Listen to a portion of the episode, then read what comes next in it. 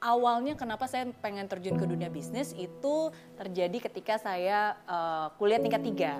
Jadi uh, tingkat dua kan ya saya punya mimpi usia 20 tahun, nah tingkat tiga tuh akhirnya saya punya kesempatan untuk kerja magang. Nah, jadi saya magang di salah satu perusahaan semiconductor di Singapura um, yang bikin chipnya buat Xbox dan seterusnya teknik elektro soalnya. Oh, iya. Nah, uh, I love the job gitu kan, apalagi perusahaan-perusahaan Amerika gitu kan. It was very nice. Cuma di situ saya melihat bahwa oh kalau saya uh, lulus kuliah dan kerja sebagai seorang engineer, karyawan seperti mereka, ya saya nggak mungkin bisa mewujudkan mimpi-mimpi saya. Pada saat itu kan saya pengen kebebasan finansial sebelum usia 30. Saya pengen bayar hutang-hutang saya yang banyak banget pada saat itu 40 ribu Singapura dolar. Dan saya lihat kalau saya hanya kerja karyawan pada saat itu, walaupun di Singapura gajinya lumayan, tapi tetap aja. Dan harus bayar hutang yang segitu banyak kan. Dan waktu itu saya kalkulasi butuh waktu lebih dari 10 tahun tuh untuk bayar hutang. Dan ketika udah lebih dari 10 tahun, usia saya udah 30 tahun lebih, masih nggak punya tabungan karena setiap bulan bayar hutang masih nggak punya rumah, nggak punya mobil, nggak punya apa-apa dan masih mengerjakan pekerjaan sama gitu. Jadi ketika saya memvisualisasi dan membayangkan hal itu, uh, kok beda banget gitu dengan mimpi yang saya inginkan. Nah di situlah akhirnya begitu selesai uh, kerja magang, kan tingkat tiga tuh, tingkat empat saya balik ke kuliah, di situlah saya mulai um, memikirkan, oke okay, saya harus cari jalan lain.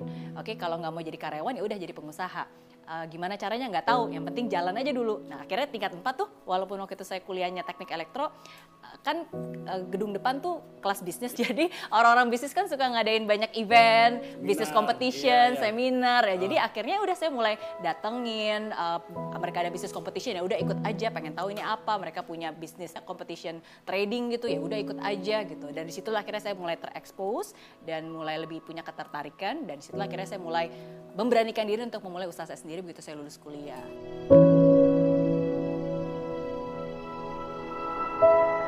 Kalau ingat Mary Riana, ingatnya ya si wanita sejuta dolar. Ya, ya. ya kenapa ya? Karena awalnya dari mimpi sejuta dolar. Nah, jadi pas lagi ada filmnya itu kan tahun 2014. Sebenarnya kayak tadi saya ceritain tuh, saya masih posisi di Singapura, belum back for good ke Indonesia, jadi masih bolak-balik. Dan itu komitmen ya, jadi setiap minggu saya ingat tuh bolak-balik, setiap minggu selalu ambil pesawat paling uh, paling malam, hari Kamis malam, uh, supaya sampai sini hari Jumat, Sabtu Minggu, Senin balik lagi ke Singapura karena kan masih ada bisnis di Singapura. Iya, jadi pada saat itu tuh di saat-saat itu tuh saya saya uh, lebih banyak sering ke airport daripada ke mall. Iya karena bolak-balik setiap minggu kan. Dan sedangkan waktu itu kan juga udah punya anak, dua-dua anaknya uh, waktu itu anaknya juga masih di Singapura gitu kan. Jadi ya ya intinya again um, semua butuh proses lah kan banyak yang nggak tahu. Nah tapi intinya ya udah akhirnya saya balik ke Indonesia tahun 2014 dan mendirikan Mary Riana Indonesia yang sekarang jadi Mary Riana Group. Jadi ketika pertama kali saya balik ke Indonesia itu um, saya membuat sesuatu yang memang sesuai dengan resolusi hmm. saya yaitu di bidang edukasi. Hmm. karena itulah yang menjadi inspiration yang menjadi passion. saya. Ya itu sih akhirnya um, di bidang inspirasi edukasi. Dan apalagi waktu itu kan saya juga udah punya anak ya, ya. jadi saya khususkan untuk edukasi untuk anak-anak. Jadi kids and teens. Uh, jadi ya akhirnya kita buat tuh dari awalnya dari garasi dulu terus akhirnya kita punya ruko kita bikin Mary Learning Center satu cabang. Sekarang puji Tuhan ada 11 cabang. Dan sekarang of course um, bukan hanya hanya di cabang tapi ya go digital. Jadi pertama kenapa go into digital? Karena menurut saya itu sekarang bukan hanya uh, keinginan ya, tapi sudah keharusan.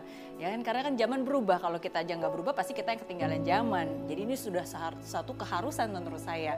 Jadi kalau kita nggak terjun ke dunia digital dan kita tidak menggunakan teknologi gitu untuk bisa men-skill up ya kita akan ketinggalan dan kita akan musnah, kita akan punah gitu.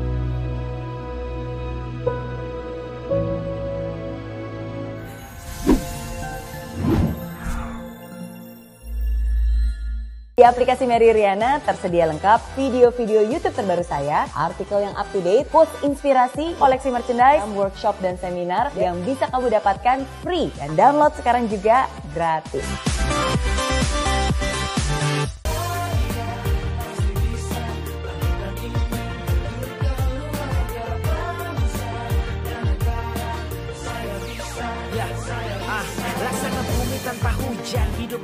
Tujuan Kering dan mati tanpa hijaunya tumbuhan ah. Demikian kalau mimpi tak kunjung terjadi